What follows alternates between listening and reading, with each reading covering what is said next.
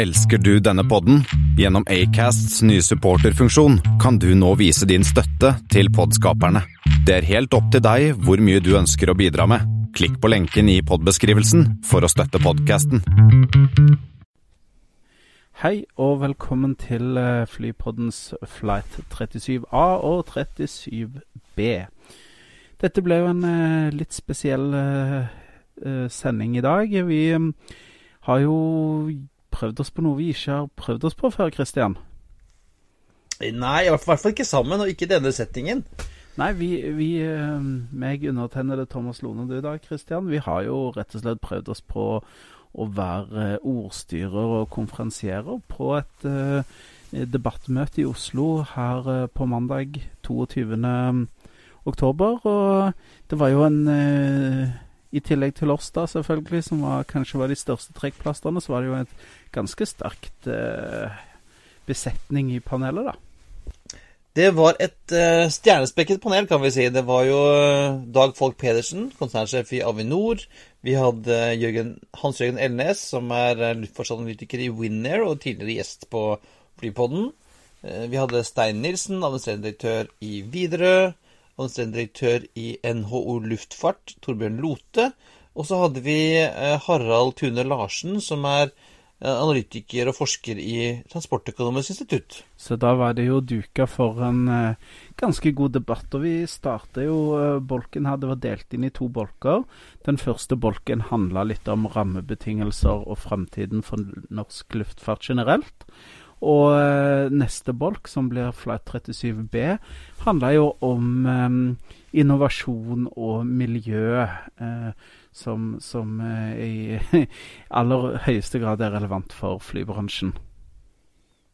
Ja, og eh, det var, altså, det var noe stor debatt, var det ikke? Disse her var jo egentlig ganske enige om at luftfart er viktig, og, og, mm, var, men at det finnes visse utfordringer. og litt, Noen var litt, litt forskjellige oppfatninger av fremtiden. Men jeg tror vi bare kjører i gang, Thomas, og kjør debatt. Da gjør vi det. Flight 37A kommer her. Tusen takk. Eh, vi representerer da Flypodden, som er verdens største podkast om fly og luftfart på, på norsk. Eh, som vi startet som en sånn morogreie i februar, men som har blitt tatt utrolig godt eh, imot. Vi har ganske mange lyttere, mye mer enn vi. Vi trodde det var noen få nerds der ute. Det er ganske mange nerds der ute. Eh, jeg er da eh, Christian, eh, og jeg er flynerd. Og Thomas er også det. Det er helt riktig. Thomas er halv, halvstudert flygeleder, og jeg er jobbet 13 år i non-profit, eller i luftfarten, da, som det heter. Eh, både i SAS og Norwegian og Widerøe. Eh, og hver gang, eh, Nå jobber jeg nå i, i innkjøp, og hver gang jeg tenker at eh, det hadde vært fint gøy å jobbe i luftfarten, så ser jeg på lunsjtiden min, og så er det greit. Vi har noen flotte gjester i dag, Thomas. Det har vi. Her nærmest oss i panelet i dag så har vi administrerende direktør i Avinor, Dag Falk Pettersen. Velkommen. Takk. Og så har vi òg med oss fra Vinner flyanalytiker Hans Jørgen Elnes. Og friend of the pod, ikke minst. Ja, sant. Og så har vi i midten i dag så har vi konserndirektør fra Widerøe, Stein Nilsen.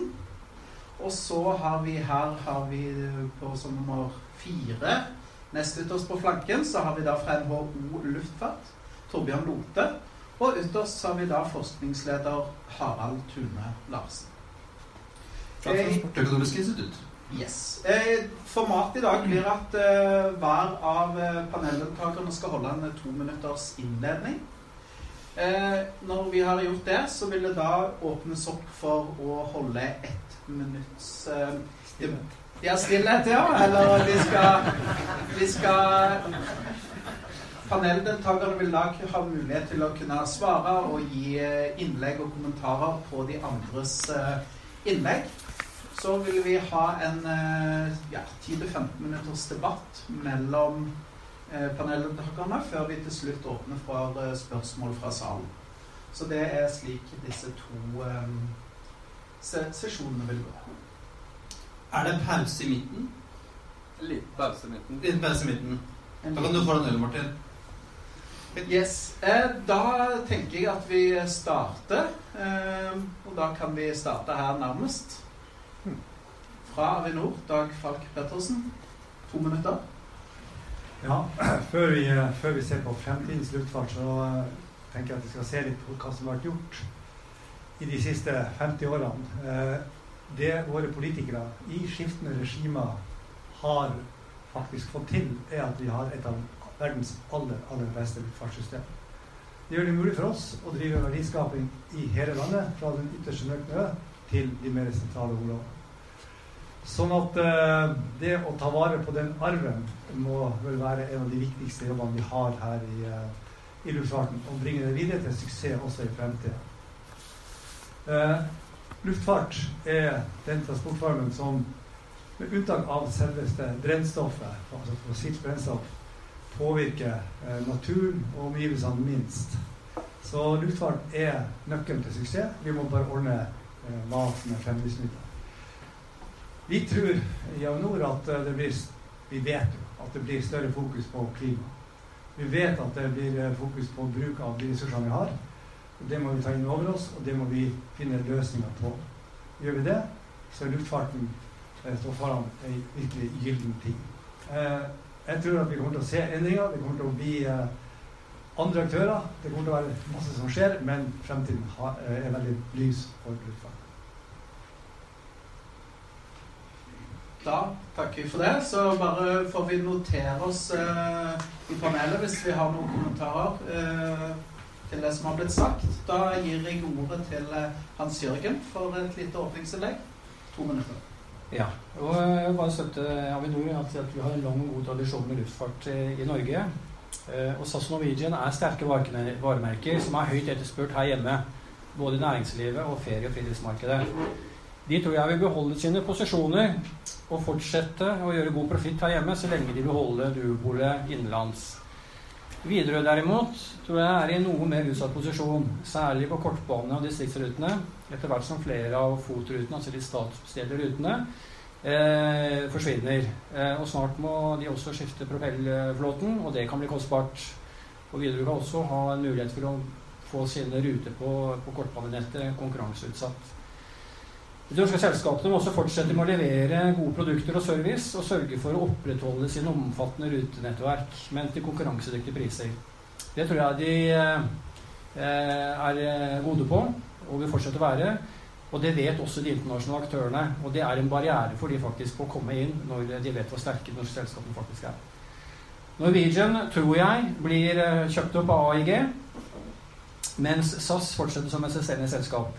Kan bli en joker utvikle samarbeid med SAS og Norwegian som må levere ruteproduksjon for disse selskapene på regionale ruter, regionale ruter hvor de sine egne fly er for store for kostbar drift. Men det forutsetter at Widerøe utøver en større opsjon av de tolv Embraerne dere har eh, på ordre nede i Brasil, i tillegg til de tre som du har fått allerede.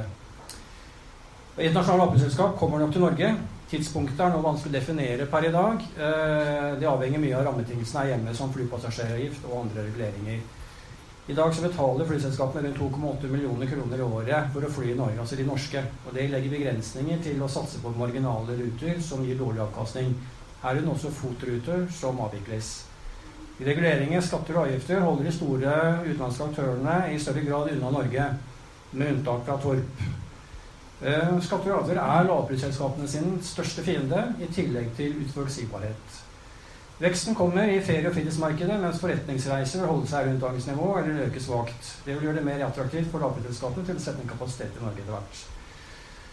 Jeg tror kortbanelufthavner blir taperne, mens lufthavner som har over 17 meter bane og lengre, blir vinnerne. De kan ta ned jetfly av forskjellig størrelse, men totalkostnadene for å operere til og fra og i Norge må ikke bli utkonkurrert av tilsvarende kostnader i Europa. Og så er det med fagfore fagforeninger. De har holdt store utenlandske aktører på arm's avstand, eh, med unntak av Rainer, som hadde en base på Rygge. De fikk eh, leve på nåde så lenge Rainer holdt seg borte fra å sette opp baser eller storlagt produksjon på Avinors lufthavner. Vær litt over. Ja, det er greit. Vi, eh, du var jo så kjapp, så da det, fikk vi tillatt at det gikk litt over tid her nå. Så da gir vi ordet videre til neste fra Widerøe. Det er Stein Nilsen. Vær så god.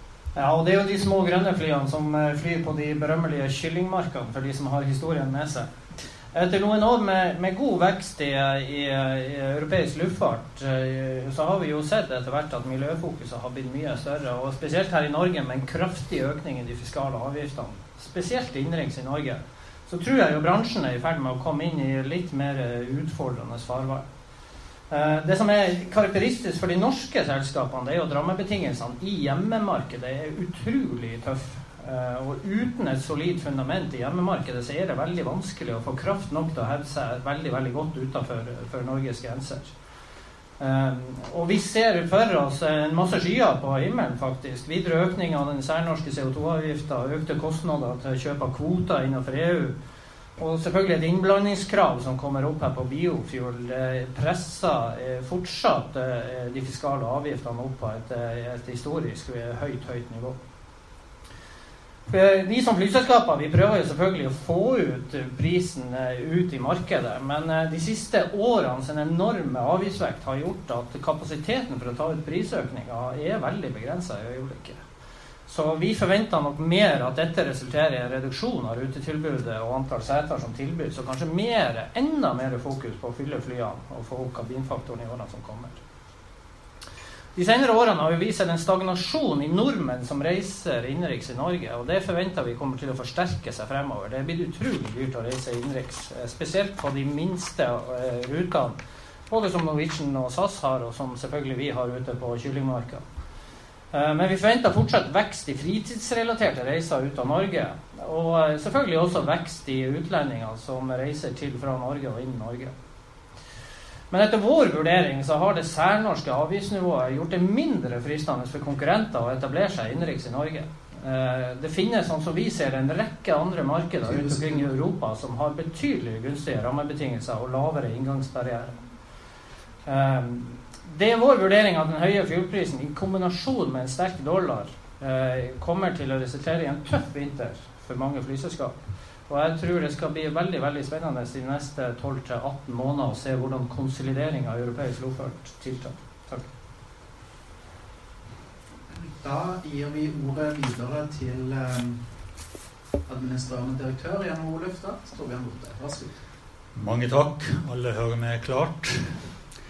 Eh, overskriften her var jo 'Fremtidens norske luftfartsmarked'. Eh, og da vil jeg si at Luftfarten har jo vokst mye de siste åra, og jeg tror luftfarten vil vokse fremover. òg. den ungdommen og de barna som kommer etter oss, hører alle med noe? Jeg synes...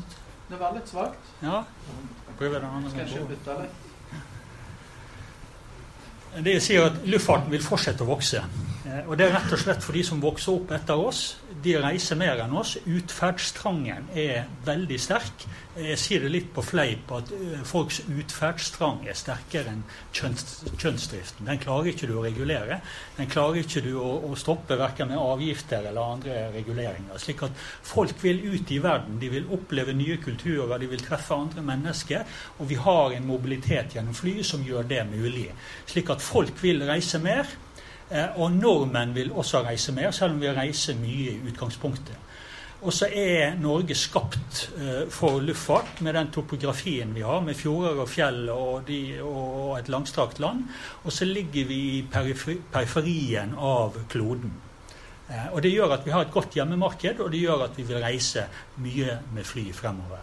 Men så har vi noen utfordringer, eh, og, så, så har vi noen fordeler, kanskje utfordringene vi har i en mer og mer deregulert verden, er at vi bor i et høykostland. Eh, med høye kostnader på personalsida bl.a. Og med høye skatter og avgifter. Det er to områder som ikke er regulert gjennom en harmonisert lovgivning i Europa innenfor EU-systemet. Og Det er arbeidslivslovgivning og skatte- og avgiftspolitikken. Den er nasjonal. Så har vi eh, helt sikkert en god del fordeler. Vi har mye kompetanse i Norge. Godt eh, utdanna personell. Vi har en bra infrastruktur, lufthavner og flysikringstjeneste. Uh, vi er gode på organisering, på logistikk, kompliserte operasjoner. Og på en rekke andre områder så har vi noen fortrinn. Men vi har som sagt også uh, noen ulemper. Og da er jo spørsmålet, Når myndighetene velger å deregulere og liberalisere luftfarten, først i Europa og deretter mer og mer i forhold til det vi kaller tredjeland, altså ut av Europa, hvordan kan vi kompensere de kostnadsulempene, de skatte- og avgiftsulempene vi har i Norge, som gjør, som gjør, at vi blir konkurransedyktige med altså utenlandske selskaper som har bedre rammebetingelser på de områdene. Hvordan kan vi kompensere det? Det er på mange måter det kritiske spørsmålet, og det har jo ledet til altså andre måter å organisere luftfarten på. Etablere AOC ute, etablere baser ute, etter å outsource personell, splitte opp organiseringa, en rekke ting som vi kan komme tilbake til.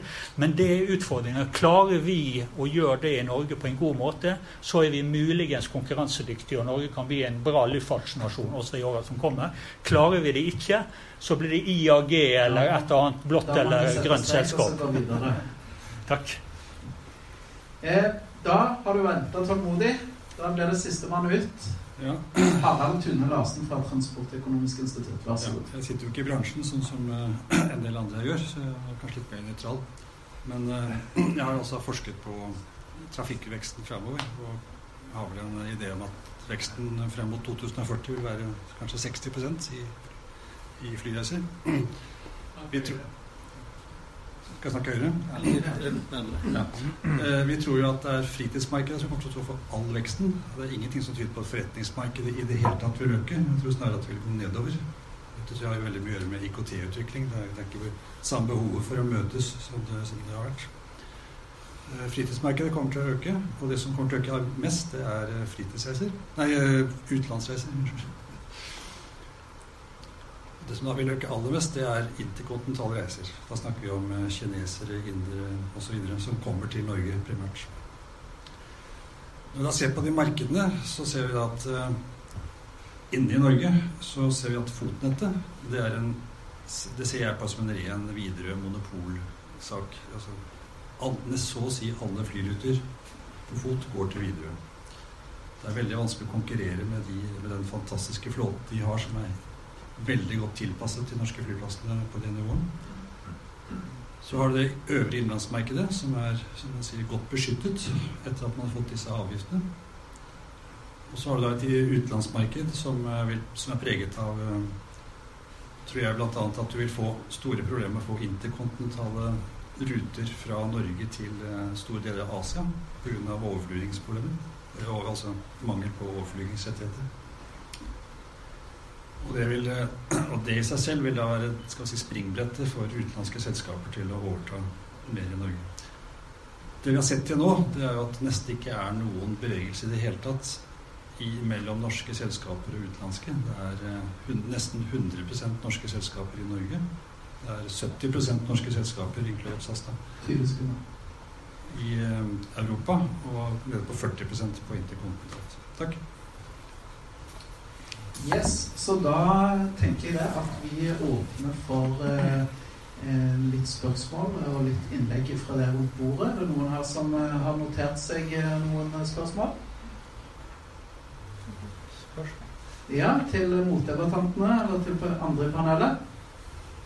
Hvis ikke så vet jeg at Christian han renner over av gode spørsmål der borte. Han har notert som bløkka spruta, så han eh, kan åpne. Nei, eller nei, vi har et fint um, jo, uh, vi vet jo alle at vi bor i, i, i et høykostland. Og jeg tenkte kanskje jeg skulle dele med både panelet og, og dere andre litt informasjon om hvor lukrativt det egentlig å være, er å drive flyselskap i Norge. Eh, Norwegian eh, har en stor, eh, stor business innenlands. Og fakta er at eh, inntektene til, eh, til innenlandsoperasjonene eh, til Norwegian er de beste for ethvert lavprisselskap i Europa. Norwegian innenlands i Norge er nummer én foran Ryanair i Italia. Og Det viser også, tror jeg, at lavprisselskapene ser dette, ikke bare jeg. Eh, jeg er ganske sikker på at selv om, eh, selv om vi er høykostland og vi har gode selskaper her, så vet også de utenlandske aktørene at eh, det er gode penger å tjene i, i Norge. Og de har også vært på SAS i mange år. SAS har vel fått 50 av inntektene sine på operasjonene i, i Norge. Og til slutt, så Dette med Sibirkorridoren det, det skulle jeg gjerne, gjerne høre litt mer om, Dag. Om du kan liksom belyse litt hva er liksom problemet her. og Kan det bli slik at hvis Norge trekker seg ut av, eh, av eh, det nordiske samarbeidet, kan det bli en interessant eh, spill om hvem, hvem skulle da eventuelt kunne bli valgt til å få denne rettigheten? Er det noe du kan dele med oss? Av og, av og til, og det her er et av de tilfellene, så det er utrolig deilig å si at dette er en politisk sak. Og vi har, ikke, vi har ingenting med det å gjøre. Vi blir spurt om vår mening av departementet, men vi har ingenting med det å gjøre. Men uh, du sier at, eh, at, vi tjener, eller at uh, Norwegian tjener sine mest, mesteparten av sine penger hos oss også i Norge.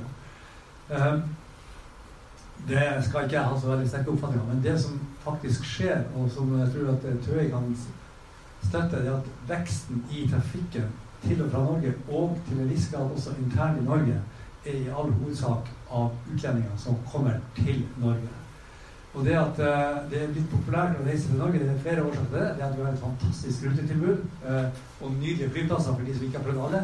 Uh, men det er også at det er et stabilt, trygt, godt land som gjør at, at det her er interessant. Den interessen kommer til å øke.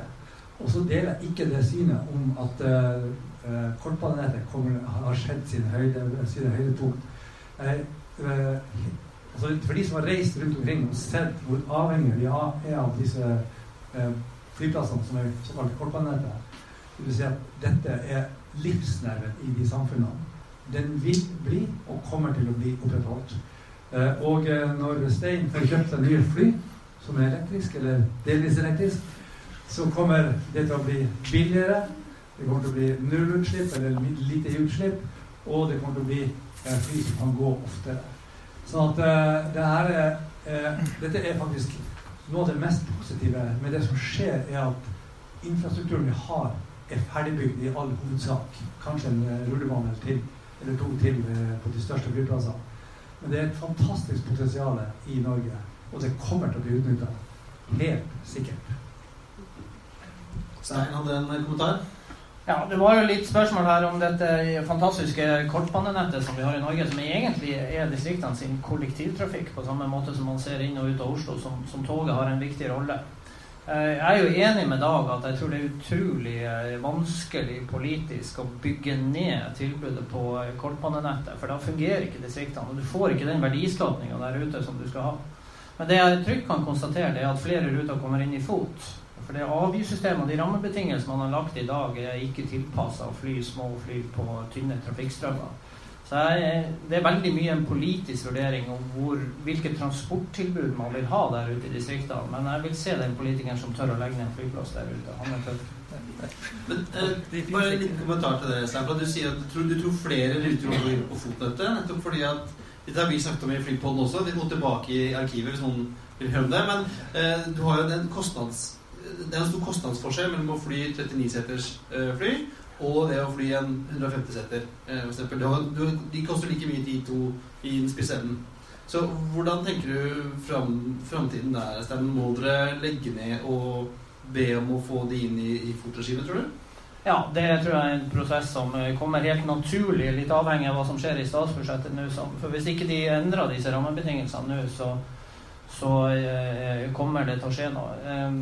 Eh, 18 av 23 ruter som vi kjører kommersielt på kortbanenettet nå, er ulønnsomme. Eh, så der må det skje et eller annet. Det er ikke Widerøes rolle å opprettholde ulønnsom produksjon. Det er faktisk Samferdselsdepartementet som har den rollen i, i, Norge. Så der kommer det til å, å, skje ting. Det er helt naturlig at det er dyrere å drive et uh, nettverk med små fly langt ute i distriktene. I sin natur så er det jo sånn trafikkstrømmene starter jo i Hammerfest og skal inn til Tromsø om morgenen. Og Det betyr at både fly og mannskap må være der ute. Men ikke minst også så er det sånn at vi betaler 73% mer per liter brentstoff når vi først må eh, frakte nå til eh, Hammerfest og Vadsø og alle disse plassene som vi fugler. Så det finnes mange naturlige strukturelle årsaker til at det er dyrt å fly et sånt nettverk som vi flyr. Men når politikerne på toppen av det legger et avgiftssystem som moser ut av lønnsomheten, så er det dessverre ikke mulig å drive sånt bedriftsøkonomisk lønnsomt. Der har vi først Stein Bare en liten utfylling og kommentar i forhold til det som Dag sier med trafikkvekst. og Det er jo helt riktig. Eh, jeg reiser jo litt rundt og møter politikere. og jeg møter det inntrykket at mange politikere syns at flytrafikken vokser over stokk og stein. Vi flyr egentlig altfor mye og reiser for mye til Syden og later oss med unødige turer og slike ting. Det er galt. Det, det, har vært en viss trafikkvekst eh, i løpet av de siste 10-15-20-30 åra. Men den følger stort sett den økonomiske veksten i samfunnet, altså omtrent som BNP-utviklinga. Og så er det slik at Den veksten vi har hatt de siste åra, det er helt riktig det som Dag sier. Det er stort sett utlendinger. Hvis vi korrigerer og trekker ut nordmenn fra utlendinger og korrigerer med befolkningsveksten, så har den gjennomsnittlig økte reiseaktiviteten i Norge av nordmenn per år vært 0,3% Altså i snitt har hver nordmann reist 0,3% mer per år. På utlandet er det litt høyere, der tror jeg det var 2% eller noe sånt. Men likevel en forholdsvis moderat vekst. Så jeg møter en del utsagn der politikeren sier at vekst i luftfarten er et problem. Nei, det er ikke et problem. Det er faktisk et gode. For den veksten som vi får, den ønsker vi. Det er utlendinger som kommer til Norge for å drive handel. Det er utlendinger som kommer til Norge for å se det flotte landet vårt og være turister og bo på norske hoteller, spise norsk mat, eh, skape arbeidsplasser i distriktene Distrikts-Norge, skape arbeidsplasser for ungdom, skape arbeidsplasser for nye landsmenn. Og likevel så presterer de å legge ekstra skatter og avgifter på toppen. Noe som ikke Color Line har. De får støtte for at nordmenn skal eh, reise til Kiel og drikke seg full, for å si det litt uærbødig. Mens eh, luftfarten, som eh, skaper næringsvirksomhet, skaper verdiskaping og skaper aktivitet inn i landet vårt, skal skattlegges fiskalt på toppen av dobbeltbeskatning på miljøområdet. Forstår det den som kan. God dag. Ja, jeg vil eh, gjerne avlive, avlive en myte om at, eh, at, det subsidieres så mye i distriktene. Eh, jeg tror Widerøe får ca. 700 millioner i året der omkring. Ja, ikke meg, i hvert fall. Nei. ja, du tar vel 10 av det. Nei, jeg tror det der fotstøtten ligger på det. Og så har vi et underskudd per småflyplass på 25 millioner. Et betydelig beløp. Altså totalt sett så så eh, har vi underskudd på ca. en drøy milliard på, på, de som er ulønnsomme, ikke bare kortbanen, men de som er ulønnsomme. Hvis du ser på verdiskapinga i distriktene eh, Oppdrettsnæringen eller fiskeriindustrien er snart oppe på 100 milliarder verdiskaping, eksportverdi, hvert år. Eh, Oljebransjen, som også er helt avhengig av både fotsystemet og, og av helikopterproduksjonene som ligger ute i, i havet, de har verdiskaping på 100, eller verdiseksport på 100, 400 milliarder. Så det, dette er jo virkelig en helt nødvendig del av infrastrukturen. Og det er akkurat som uh, Stein sier, dette er den kollektive trafikken de har i distriktene. Så jeg, jeg syns man skal være veldig forsiktig med å si at det er en sånn underskuddsaffære. Uh, det er underskudd for akkurat den delen av sektoren, men totalt sett så er det formidable verdier som skapes. Og hvis vi slutter med det hva skal vi da leve av? Det lurer jeg på. Ikke skal vi da kunne drive olje, og ikke fiskerier. Det her, eh, jeg er helt enig med Dag. Det her er helt nødvendig kollektivtrafikk for å få Vestlandet og Nord-Norge til å fungere. Det er litt forunderlig for oss som er i bransjen at man betaler mer for å transportere kinesiske turister rundt omkring på Hurtigruta enn man betaler for kollektivtrafikksystemet på fotnettet i Norge. Det er korrekt. eh, bare en kommentar til um, at uh, det vi ser, er veksten er på internasjonale passasjerer som da reiser til Norge. Uh, og det, Da er det viktig å få med seg at for at man skal få flere internasjonale passasjerer, så må man ha flere direkteruter. Altså nonstop-ruter til uh, mellom Norge USA, Norge og Asia, Afrika, Midtøsten, India og, og, og sånn. Uh, og jeg, jeg, har vært med og startet opp Qatar Airways Norge for noen år siden, og kan dele noen tall med dere der som, som er interessante i den sammenheng. Og eh, Der står altså 90% av den produksjonen av de passasjerene som reiste med Qatar, som hadde en daglig eh, drivliner fra Oslo til Doha, de er solgt i Norge. Mens 10% av de passasjerene som vi fløy, de kom fra det vi kaller fra nettverket. Det fra Asia, Australia og disse andre landene.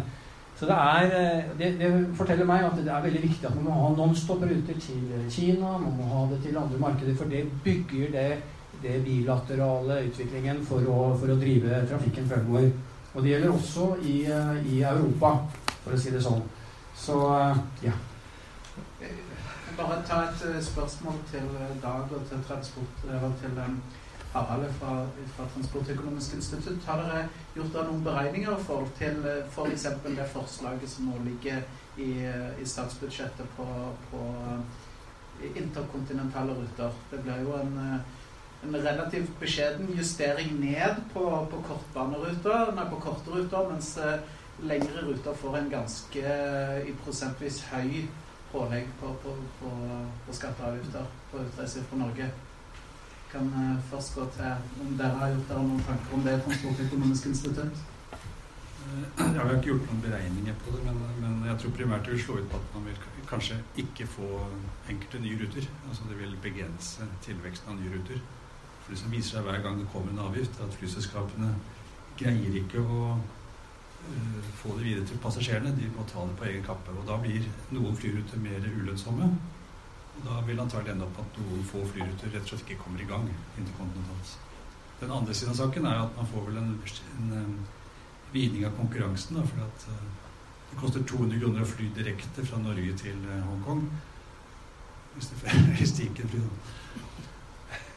Men du kan uh, spare de pengene hvis du da reiser via en A-flyplass. Jeg som jeg skjønte på innretningen på denne skatten, så det er endelig destinasjon som eh, avgjør uavhengig av om du mellomlander i Frankfurt eller London osv. Okay, det visste jeg ikke.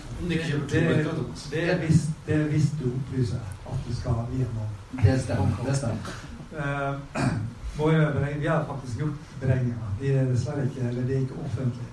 Uh, vi, Men du kan si her. Vi, du er blant vennene i dag. Vi, vi, tror uh, kanskje at uh, denne endringen er sånn har en relativt begrensa uh, effekt. akkurat det her. Uh, vi skal være klar over at de som flyr for 200 kroner, de får jo bare én vei. Så det er altså 100 kroner hver legg. Det er vel omtrent det du har hver legg til uh, mellom Bodø og Skage Eh, men før du slipper til, eh, Stein. Eh, vi, altså Avinor, har jo en oppfatning av at det kunne vært gjort en, en litt annen justering enn det her. Vi mener at det å legge til rette for uh, Distrikts-Norge det er det som skaper den største verdiskapinga i, uh, i avgiftssammenheng. Og, eh, og, vi deler den bekymringa som Widerøe har på at uh, det er forholdsvis veldig høye avgifter på en kort tur enn i forhold til det som er på en litt lengre tur. Vi syns jo hele Nei, nå skal jeg ikke si mer.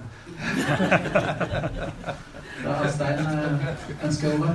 Ja, og Det er jo viktig å være klar over den omlegginga de gjør i passasjeravgiftene i Norge, som er ganske marginal. Den, den balanserer nesten ut avgifta eh, innenriks i forhold til utenriks. Hvis du skal reise Oslo-New York, så betaler du nå 200 kroner da, fra 1.4.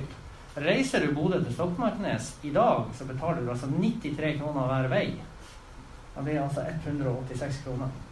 Så det de gjør nå, det er jo en likestilling mellom det avgiftsregimet som er på Innlandet og på på, på, på de lange strekningene på utlandet. Men, men, eh, det som var den opprinnelige formålet med denne avgifta, å få ned eh, flytrafikken i et miljømessig perspektiv, er jo helt forfeila. For at det skal være like store utslipp på en tur mellom Bodø og Stoltmarknes som det er mellom en eh, i Oslo og New York. Det er jo ganske farfetched. Men så har det jo aldri vært eh, argument at dette er for utslippene. Det er vel en fiskal avgift? Jo, det var det helt til de fikk amerikanerne på nakken. Lote hadde en eh, kommentar. Bare, bare, en kommentar til det med altså direkterute og interkontinentale ruter, at vi ønsker mer av det. Det, det er selvfølgelig fint, det. Eh, men da er vi litt tilbake til der jeg starta opp. Nemlig har vi likeverdige konkurransevilkår, altså level playing field, som man sier. Innenfor Europa så har man forsøkt å tilrettelegge det. Der man på en måte går fra å styre markedsstrukturen til å styre markedsatferden. Har et skikkelig nettverk av ulike typer regler som skal håndtere at konkurransen skjer på likeverdig, måte, likeverdig vis. Likevel så klarer ikke man det fullt og helt i Europa, fordi du har nasjonal suverenitet på en del områder. Bl.a. skatt og avgift og arbeidslivspolitikk og slike ting. Men når vi snakker om selskaper fra skal vi si, andre deler av verden, så har de helt andre rammebetingelser. og Vi har ingen styring eller påvirkning på de rammebetingelsene i det hele tatt. En vesentlig forskjell er at kostnadsnivået er veldig forskjellig fra land til land. slik at når det kommer et flyselskap fra India eller Kina eller hvor det måtte være, så har de et helt annet kostnadsnivå, og de har et helt annet skatte- og avgiftsregime. Og hele, eh, regu, eh, eh, alle reguleringer rundt luftfarten er et, noe helt annet enn det vi har her hjemme i Norge. Men likevel så skal du da fly vinge mot vinge og en kabinansatt i Norge som har norsk kostnadsnivå, skal konkurrere med kabinansatte fra Kina eller India eller hvor det måtte være. Det, det, det, er ikke like vilkår. Spørsmålet er hvordan vi håndterer det, hvordan vi regulerer det. I hvilken grad man legger inn f.eks. krav til sosiale standarder osv. i de bilaterale luftfartsavtalene, slik at det blir fair eh, markedsforhold mellom aktørene. Det er enormt viktig å håndtere på et eller annet vis. For ellers risikerer du at vi på en måte gir fra oss markedet til andre aktører som har kostnadsfordeler, og eventuelt også statsstøtte. Vi vet jo det at eh, det er en del land som fremdeles kanaliserer penger inn i, i luftfarten, eh, og bruker det for å bygge opp nasjonale selskaper. Så det, det er et viktig område å være obs på. Nå skal jeg bare jeg har litt spørsmål, eh, egentlig til deg. For at, Hans Jørgen sier at de utenlandske selskapene er på vei. De vil ikke komme fordi vi har så høye avgifter eh, og, og, og, høyt kostnadsnivå. Eh, og så sier vel du, Thomas, at, at, Norwegian og SAS tjener masse penger på flyinnenriks. Da spør jeg deg, da, Lote, som representerer de to, i og med at uh, de ikke er her. Så er det ikke egentlig det, i deres Er det ikke en fordel for dem egentlig at vi, at vi presser de andre, holder de andre utafor? Jo, eh, det, det, kan du kanskje si. Vi har egentlig tre markeder. Vi har innenlandsmarkedet, vi har det europeiske markedet og vi har det såkalte tredjelandsmarkedet. I innenlandsmarkedet der eh, kan du si at et høyt kostnadsnivå for så vidt ikke gjør det så interessant for Ryanair eller andre til å komme inn i det markedet. Og Det, det, det som også skjer, er, hvis EasyJet eller Ryanair skulle gå inn i det norske markedet og etablere virksomhet her, er at de må etablere base her, de må følge norsk arbeidslivslovgivning, de må inngå tariffavtaler på norske vilkår. De vil på mange måter få den samme strukturen og det samme kostnadsbildet eh, som de norske aktørene har. Eh, og Det gjør at det på en måte et høyt kostnadsnivå blir en etableringsbarriere i det norske markedet. Men i det internasjonale markedet til og fra eh, Norge er det en helt annen situasjon. Hvorfor skal du fly fra Norge til Spania og tilbake til Norge? Du kan like gjerne fly fra Spania til Norge og tilbake til Spania, f.eks. Men det er jo akkurat det de to norske selskapene gjør. Ja da, og det er derfor de har tilpasset seg og endra måten å organisere eh, virksomheten på, nettopp for å bli mer konkurransedyktig. Men den muligheten har ikke du i samme grad i forhold til tredjeland utenfor Europa. Eh, Norwegian kan etablere base i USA, men de kan ikke etablere en AOC i et annet land. I USA f.eks. pga. eierskapsbegrensninger i, i den nasjonale lovgivningen. Så der får du en litt annen situasjon. Bare et oppklarende spørsmål. Ikke sånn at alle selskap i Norge kan etablere base med lokale arbeids- og vilkår ute? Nei, i USA og i eh, Kina eller i uh, Ja, og Det er jo det du har en diskusjon om, en rettssak gående. Den er vel i tingretten nå, der man diskuterer i hvilken grad du kan bruke arbeidskraft utenfor EU på norskregistrerte fly. Fordi da skal du i prinsippet ha norsk arbeidstillatelse ifølge LO. Og Det har man en strid på. Den saken er ikke avklart. Men det er slik at det gjøres i dag? Så lenge, du, så lenge du ikke flyr inn i landet, men flyr videre ut igjen, så gjør Norwegian det i dag. Ja, hos oss. Ja, til og fra landet. Ja. På, gjennom seil, f.eks. Men uh, da du kan få, du kan få 20 sekunder, og så skal vi åpne på, for spørsmål på salen. Nei, det. Uh, det ble det begynte å temperaturen ble her. Men er det noen Vi kan nå avslutningsvis i denne runden åpne for noen spørsmål fra salen. Da må dere bruke utestemmen, for vi har ikke trådløse mikrofoner. Men eh, hvis det er noen som ønsker å stille noen spørsmål til dette høyt kompetente panelet, så vises det nå.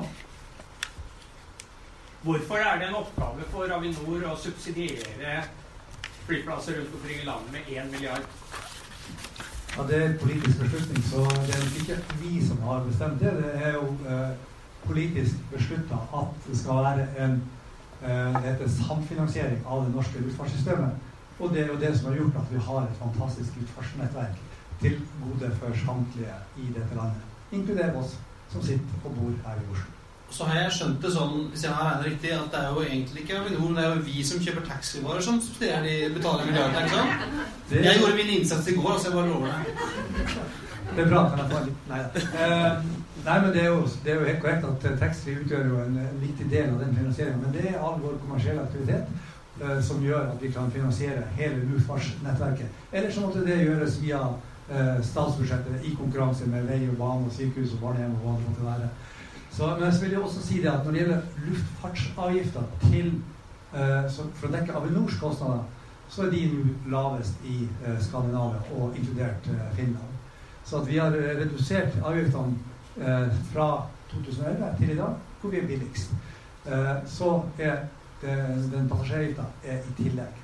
Og den var ikke på 2,5 millioner, den er på 2,5 milliarder. Inkludert CO2-avgiften. Det har jo blitt eh, innført en del avgifter senere senere år eh, som ikke har vært utredet, dog med gode intensjoner. Men hvis dere kunne, kunne omformet avgiftssystemet, hvordan ville dere gjort det da? Og savner dere noen offentlige utredninger på dette feltet som kanskje kunne gjort det samfunnsøkonomisk mer effektivt? Utfordret. Du følte at spørsmålet gikk til deg, så det er greit. Jeg har ikke sett noen offentlige utredninger som ser på ringvirkningene i avgiftssystemene man har innført eh, fra 2015 og til nå. Er helt ukjent for meg at det har vært gjort noen sånne vurderinger. Eh, ja, selvfølgelig finnes det alternative modeller. og eh, litt avhengig av hva man ønsker, hvilket politisk ønske man har, eh, så velger man modell. Men du kan si for oss som er i bransjen, når vi kommer over til teknologiutvikling senere, så er jo et av de viktigste prinsippene i bransjen at det er forurensninga som skal skattlegges.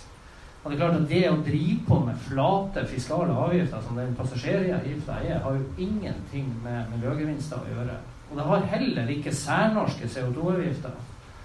Det eneste som særnorske CO2-avgifter bidrar til, det er at eh, flyselskap ute i Europa får billigere kvoter i EU-systemet, sånn at de kan fly mer i Europa på bekostning av det de gjør i Norge. Så hele dette systemet eh, virker veldig lite gjennomtenkt for oss som er i bransjen. Og vi håper jo på et eller annet tidspunkt at noen tar et helhetsgrep på dette. Vi er vel litt over på den neste diskusjonen, men det var litt artig, for jeg, fant på nettet her i sted eh, en del av de spørsmålene som var stilt fra partier på Stortinget til statsbudsjettet. Bl.a. ett fra Kristelig Folkeparti der de foreslo, foreslo å doble CO2-avgiften. En del av svaret fra Finansdepartementet var som følger. Det gjøres oppmerksom på at størstedelen av innenriks luftfart er omfattet av EUs kvotesystem. Økt CO2-avgift på innenriks luftfart vil derfor først og fremst bidra til å flytte utslipp fra norsk innenriks luftfart til andre utslippskilder innenfor EUs kvotesystem. Flytting av utslipp bidrar ikke til globale utslippsreduksjoner, men bidrar til å øke de samlede kostnadene ved å oppnå klimamålene. Og Det er så korrekt som det er mulig å si det. Eh, det er ikke fornuftig. Det, det, det, det er helt tullete. Det er helt tullete å gjøre noe sånt. Det er den folkelige versjonen. Så da har vi rom for ett og to spørsmål til før vi tar en liten pause og fyller på kaffekopper og bak oss der. Kommer Ja, Dag har jo vært elfly. Har det? Det er jo kommet. Skal vi ikke ta det i neste bånd? Er det ikke etter Jo, det kan vi også ta etter pausen, da. Det er greit. Er det noen som har noe om rammebetingelser og noe om eh, bransjen i, flybransjen i Norge i dag? Kristian? Jeg har et. Eh, for nå sitter det jo eh, fem kjekke menn i sin beste alder, pluss to som er nærmer seg den beste alderen, eh, rundt her og snakker om luftfart. Men det er jo ingen kvinner. Eh, og jeg, det er jo ingen kvinnelige ledere i noen av de norske flyselskapene. Ikke Avinor, ikke helikopterskapene, ingenting. Hvor er, hvor er damene, Torbjørn? Ja, du tar feil. Eh, lederen i Bristol, det er Heidi eh, Ja, du har en kvinne der. som, de, som de ikke vet hva heter, men den.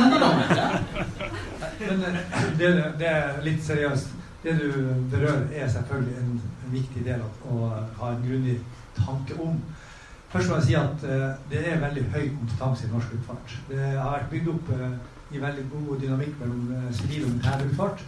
Og innenfor to områder så er vi uten tvil verdensledende. Eller vi, de som er der, uten tvil verdensledende. Det er på kortbanenettet og med Widerøe sine operasjoner, og det er i Nordsjøen med Bristow og CLC sine operasjoner.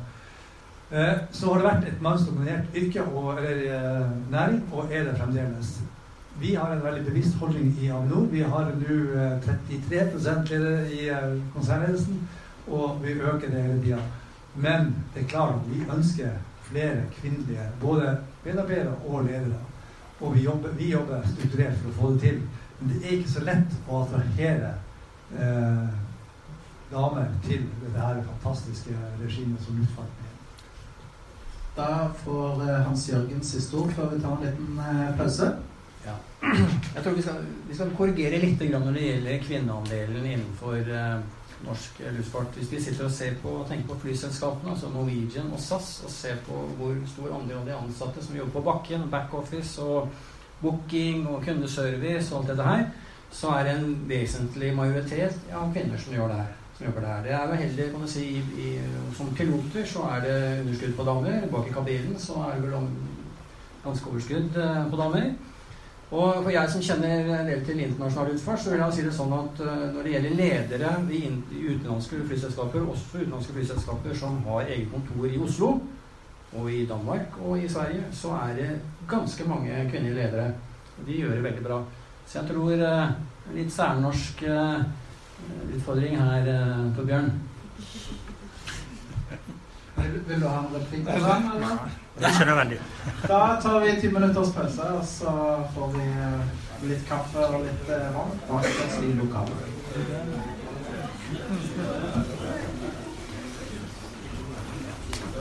Huskevær i dag. Ja, det er det, ja. Strekk? Ja,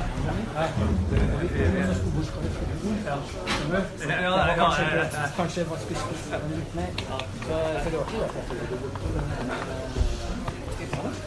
Det det. Hvor skal du, kjøpe ny fly?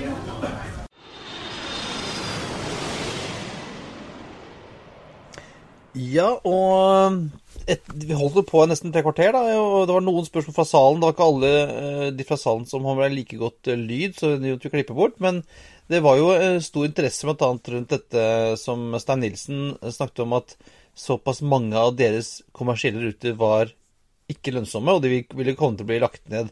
Eh, med dagens eh, avgiftsregime. Og det var jo plukket opp både av NRK og, og E24 og litt sånn også, så det var jo det var veldig aktuelle saker. Ja, det gikk jo på hele pressehimmelen dagen etterpå det. E24 med Lorentzen var jo til stede, og de, han var jo kjapp på labben etter dette. For det var jo, eh, som jeg også påpekte i debatten, det er jo ganske dramatiske tall Stein Nilsen legger fram. Så det ja, det skal bli spennende å se nå hva som skjer med de kommersielle rutene på kortbanenettet. Jeg tipper det at uh, ja, i oktober, uh, slutten av oktober-november nå, så, så, vil vi se en uh, ja, om ikke slakt, så i hvert fall en betydelig reduksjon av kanskje en del av disse rutene mellom Oslo og, og destinasjonen i Lofoten og, og på Helgelandskysten. tror jeg er ting som forsvinner. Og etter en liten pause da, så hadde, gikk vi i gang med del to, som handler om miljø og bærekraft og teknologi. Så det blir jo da i det som vi kaller for flight 37B. Bare å finne fram den.